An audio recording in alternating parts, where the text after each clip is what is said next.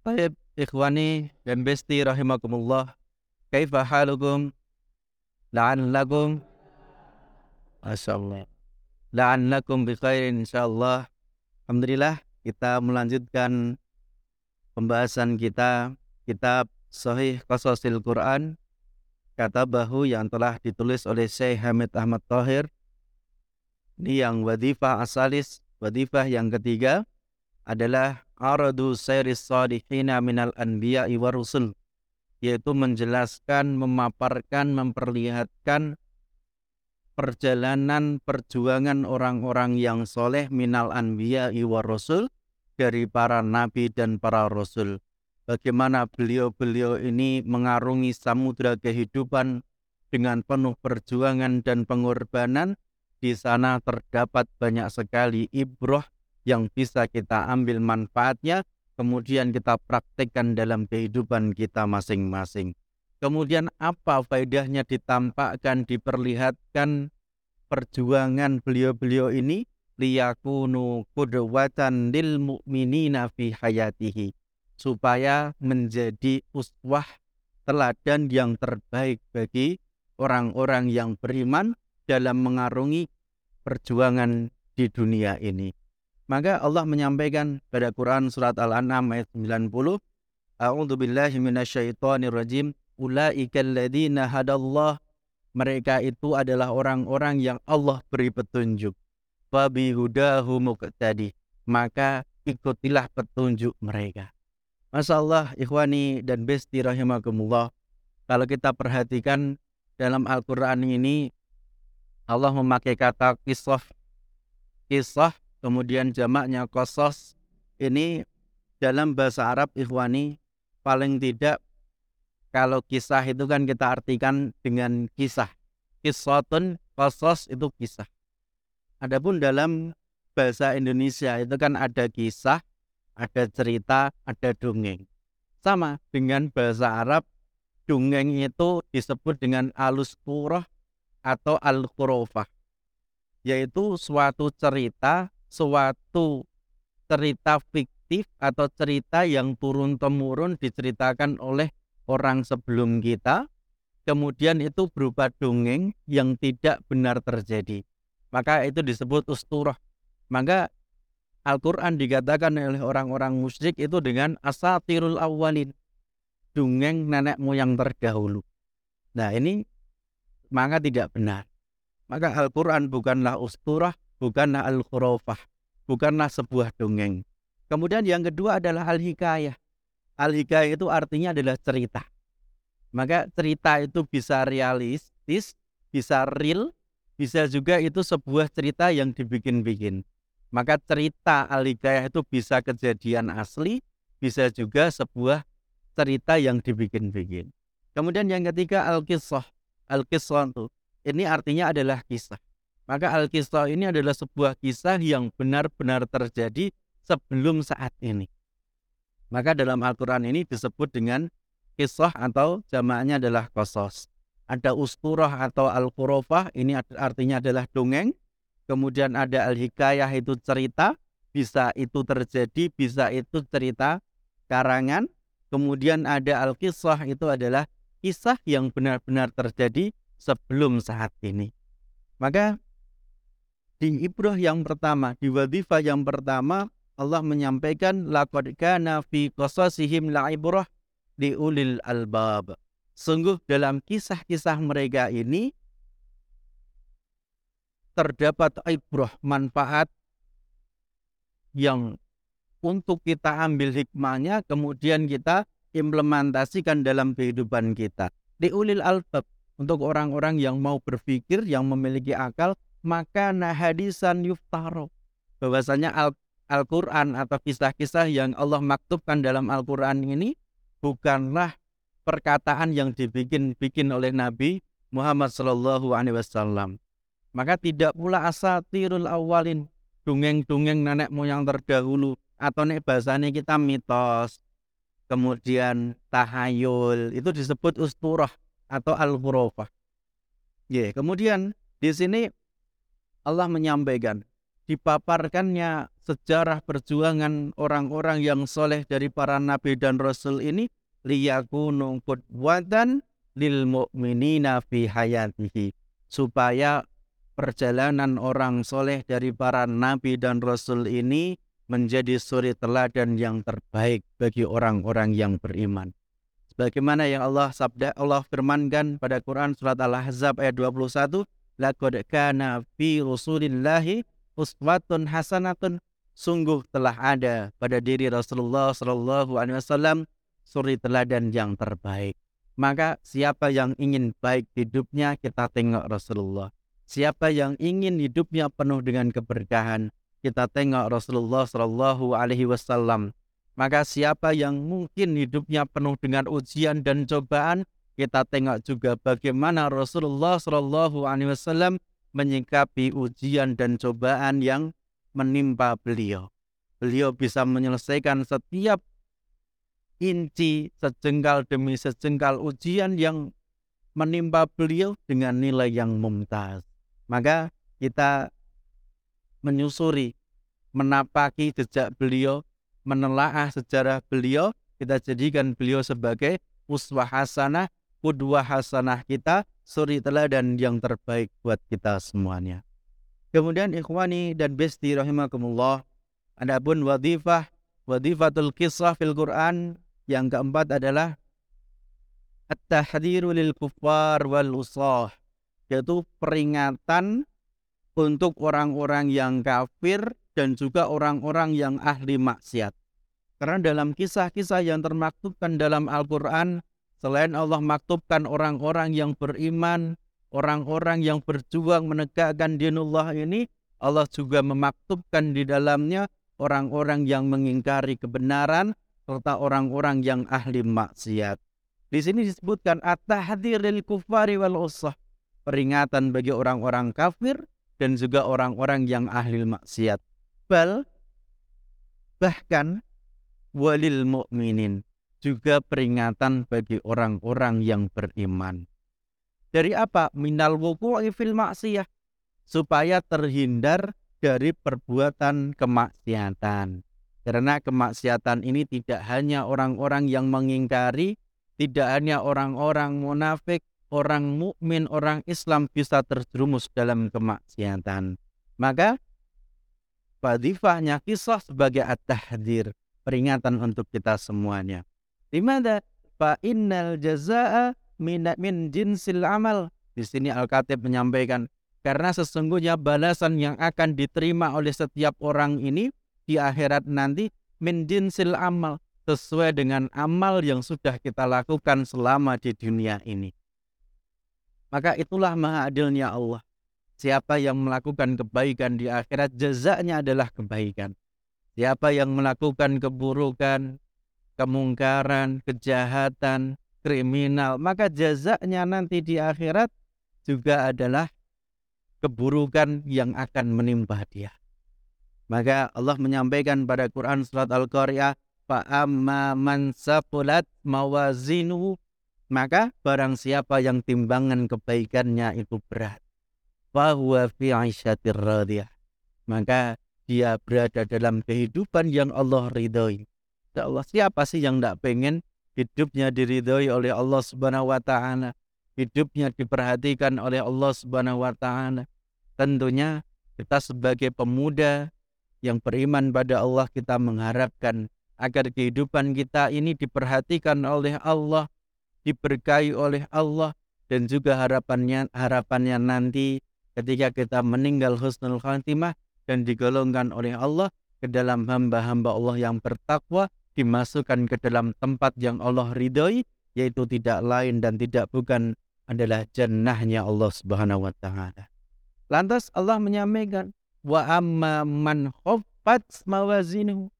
Lantas siapa yang timbangannya itu ringan, timbangan kebaikannya lebih ringan daripada timbangan keburukannya, maka fa ummu hawiyah. Tempat kembalinya adalah hawiyah. Wa ma adraka mahiyah. Tahukah kamu apa itu nerakanya? Narun hamyah yaitu neraka yang menyala-nyala. Salah naudzubillahi min dalik kita Mohon perlindungan kepada Allah supaya kita yang masih muda ini tidak tergolong orang-orang yang ahli maksiat, tidak tergolong orang-orang yang mengingkari kebenaran, tapi tergolong hamba-hamba Allah yang nasya'a fi ibadatillah, yang tumbuh kembangnya dalam peribadatan kepada Allah Subhanahu wa taala sehingga di akhirat nanti termasuk orang-orang yang timbangan kebaikannya lebih berat dibandingkan dengan timbangan keburukannya. Selanjutnya ikhwani dan besti rahimakumullah adapun al-wadhifah al-khamisah yaitu at-tasriyatu wa tasliyatu yaitu sebagai pelipur lara, pelipur duka dan juga tasliyah penghibur untuk siapa? bil mu'minin untuk penghibur lara penyemangat orang-orang yang beriman supaya apa hatinya selalu bersemangat dalam menegakkan agama Allah ini. Maka wasbir nafsaka ma'alladina yad'una rabbah. Bersabarlah kamu bersama orang-orang yang menyeru Tuhannya pada waktu pagi dan petang. Di manakah kita temukan orang-orang yang bersabar menyeru pada agama Allah? Tidak lain dan tidak bukan ada di masjid-masjid Allah. Tidak lain dan tidak bukan ada di pondok-pondok pesantren. Tidak lain dan tidak bukan ada di majelis-majelis ta'lim maka kita hadiri tempat-tempat yang di mana orang-orang menyeru Tuhannya pada waktu dan petang. Mereka mengharap keriduan Allah Subhanahu wa taala. Kemudian ikhwani dan besti rahimakumullah di sini Allah menyampaikan pada Quran surat Al-Ankabut ayat 2 Ahasiban nasu ayutraku apakah manusia itu mengira akan ditinggalkan begitu saja an yakulu amanah setelah mereka berkata beriman. Termasuk nih yang muda-muda ini. Kita mengatakan kita orang iman, kita orang Islam. Apakah setelah mengatakan keimanan dan keislaman dibiarkan begitu saja oleh Allah Subhanahu wa taala? Ternyata tidak. Allah akan memberikan wahum la yuftanun dan apakah mereka tidak diuji? Maka ada ujian dan cobaan setelah kita mengatakan diri kita beriman pada Allah Subhanahu wa taala. Maka yang kelima wadifahnya adalah atas riyatu wa tasliyah sebagai pelipur lara, penghibur likulubil mu'minin bagi hatinya orang-orang yang beriman supaya tetap semangat dalam perjuangan sebagaimana kisah-kisah orang yang terdahulu beliau ujiannya Masya Allah dibandingkan dengan kita tidak ada apa-apanya bondo bahu pikir sampai nyawa beliau berbankan untuk menegakkan agama. Jangan kita yang hari ini, jangankan nyawa kita, jangankan bondo bahu pikir kita. Mungkin hari-hari kita ini masih banyak kita lalai dari perjuangan visabilillah. Maka semoga yang hadir di sini tidak termasuk orang-orang yang mager, malas gerak, tidak termasuk generasi rebahan, tidak termasuk generasi yang layamu wala Yahya wis ora mutu kakean gagal. Yeah. Maka ini Allah memberikan penghibur bagaimana orang-orang terdahulu diberikan ujian cobaan masa Allah. Kena cerita nih beliau yang berdakwah para nabi dan orang-orang soleh itu waktunya dihabiskan untuk dunia tidak ada ceritanya. Tiap hari ada ujian, tiap hari berdakwah. Bahkan kisahnya Nabi Nuh alaihissalam berdakwah selama seribu tahun kurang lima puluh kaumnya yang beriman hanya sedikit. Bahkan ketika dia seru untuk beriman kepada Allah, mereka menutup telinga dengan dari tunjuk mereka. Bahkan ditutup dengan baju mereka karena tidak mau mendengarkan apa yang disampaikan oleh Nabi Nuh alaihissalam.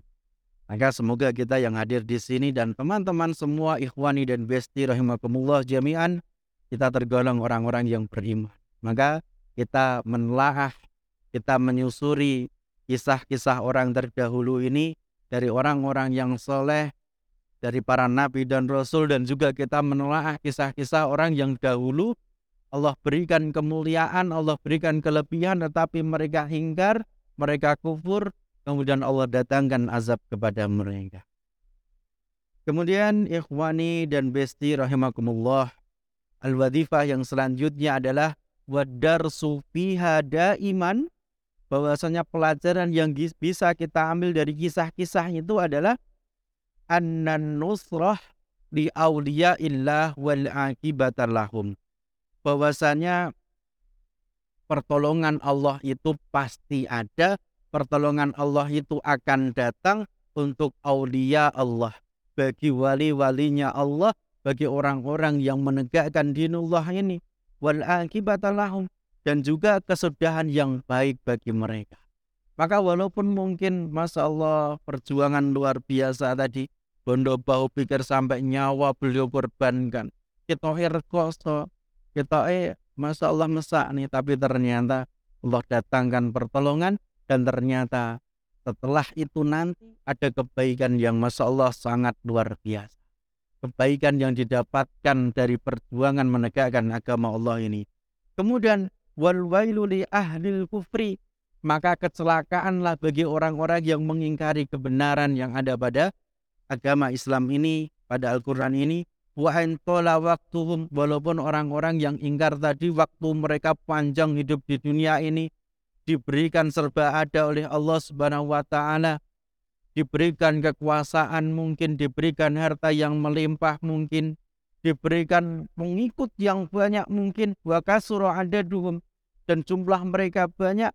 Tetapi di sini dikatakan wailun li ahdil kufri kecelakaanlah celakalah bagi orang-orang yang mengingkari kebenaran Al-Qur'an ini maka ikhwani rahimakumullah dan besti semuanya semoga kita tergolong hamba-hamba Allah yang menegakkan agama ini inullah ini bahwasanya kam min fi'atin qalilatin berapa banyak gulungan yang sedikit, jumlah yang sedikit, golabat fi'atan kasirotan biidnillah. Bisa mengalahkan kelompok yang banyak sekali atas izin dari Allah Subhanahu wa taala. Maka ad-darsu fi iman anna nusrah li audia ini. Bahwasanya pertolongan, pelajaran yang kita ambil, pertolongan itu akan selalu ada bagi orang-orang yang menegakkan agama Allah. Maka bersabar, terus semangat walaupun mungkin di luar teman-teman pada mager walaupun di luar teman-teman pada asik dengan kehidupan duniawiyahnya tapi yang muda tetap berkarya yang muda tetap menghidupkan agama menegakkan agama Allah ini sampai kapan? Sampai akhir nafas kita bersama-sama kita berjuang menapaki langkah ini. Maka langkah pemuda hijrah terus kita melangkah. Lebih baik kita melangkah walaupun tertatih daripada kita berlari di tempat. Maka semoga langkah pemuda hijrah terus melangkah sampai akhir hayat kita nanti insya Allah. Selanjutnya ikhwani dan besti rahimakumullah. Ada sebuah motivasi yang dikatakan oleh orang-orang terdahulu wan nasu alfun minhum kawahidin dan manusia itu ada yang seribu laksana satu. Ada yang wawahidun ka'alfin, ada yang satu laksana seribu. Ini kalau kita kan Masya Allah sebenarnya panjang kali lebar. Tapi secara singkat seperti ini. Wanasu alfun minum kawahidin. Ada manusia itu yang seribu tapi hanya seperti satu orang. Siapakah mereka? Yaitu orang-orang yang hidup di dunia hanya sebatas hidup kemudian tidak membawa kemanfaatan, tidak membawa keberkahan, kebaikan bagi orang di sekitarnya. Walaupun mereka jumlahnya seribu, tapi laksana satu orang. Tetapi ada yang satu orang, karena kebaikan yang dia lakukan, manfaat yang dia berikan begitu besarnya, maka dia laksana seribu orang. Siapakah mereka? Banyak sekali. Di antaranya orang-orang soleh dari para nabi dan rasul hingga hari ini nama-nama beliau tetap kita sebut. Setiap kali kita menyebut para nabi, kita sebutkan alaihissalam. Kita menyebutkan Nabi Muhammad wasallam, kita menyebut para sahabat radhiyallahu anhum, kita menyebut sahabiah radhiyallahu anha. Kemudian ulama-ulama besar sampai hari ini masih kita sebut, maka beliau itu satu laksana seribu. Maka pemuda hari ini kita harus memiliki visi. Ayo sama-sama supaya kita ini termasuk yang satu laksana seribu, tidak yang seribu laksana satu. Maka nasihatnya Ustadz kami, kiai kami, Ustadz Abdullah Supri, Allahu Allah maghfirlahu. Beliau menyampaikan, kalau kantum, kalau kalian keluar dari pondok ini, selesai dari pondok ini dapat ijazah, kemudian kuliah, kemudian bekerja, kemudian nikah, kemudian dapat uang, kemudian punya anak, setelah punya anak mati, maka kamu sama dengan kambing. Kambing 100 tahun yang akan datang tetap kambing. Kambing ditambah 100 kambing tetap Maksudnya apa? Yaitu kita yang masih muda. Ketika hidup kita hanya sebatas duniawiyah saja, maka yang kita dapatkan tidak lebih daripada binatang tadi. Ini nasihat yang sangat dalam. Maka berikan kebaikan untuk diri kita, keluarga kita, dan orang-orang yang ada di sekitar kita. Semoga kita tergolong yang satu seperti yang seribu. Walaupun kita sudah tidak ada, tetapi kita masih didoakan oleh orang-orang yang masih hidup setelah kita. Kemudian ikhwani dan besti rahimakumullah ini mungkin yang terakhir dari wadifatul kisah fil Quran, faidah fungsi manfaat daripada kisah-kisah yang ada pada Al-Quran yaitu yang terakhir adalah idharu sidqin Nabi sallallahu alaihi wasallam memperlihatkan, menampakkan, menunjukkan kebenaran Nabi sallallahu alaihi wasallam Nabi Muhammad bahwasanya beliau adalah benar-benar nabi, beliau adalah benar-benar rasul. Bi'arodi qasasis sabikin dunat al tabdilin. Yaitu dengan Allah sampaikan kepada Nabi Muhammad kisah-kisah orang-orang terdahulu qasasis sabikin orang-orang yang terdahulu dunat tahrifin tanpa ada perubahan-perubahan mimma ja'a fil kitab sebagaimana yang sudah termaktub dalam kitab-kitab sebelumnya. Dalika kata Allah pada Quran surat Yusuf ayat 102, Dalika min anba'il ghaib nuhihi ilaika. Kisah-kisah itu atau semua kabar-kabar yang gaib itu min anba'il ghaib itu nuhihi ilaika. Kami wahyukan kepadamu wahai Muhammad, kami sampaikan, kami ceritakan kepadamu wahai Muhammad sallallahu alaihi wasallam.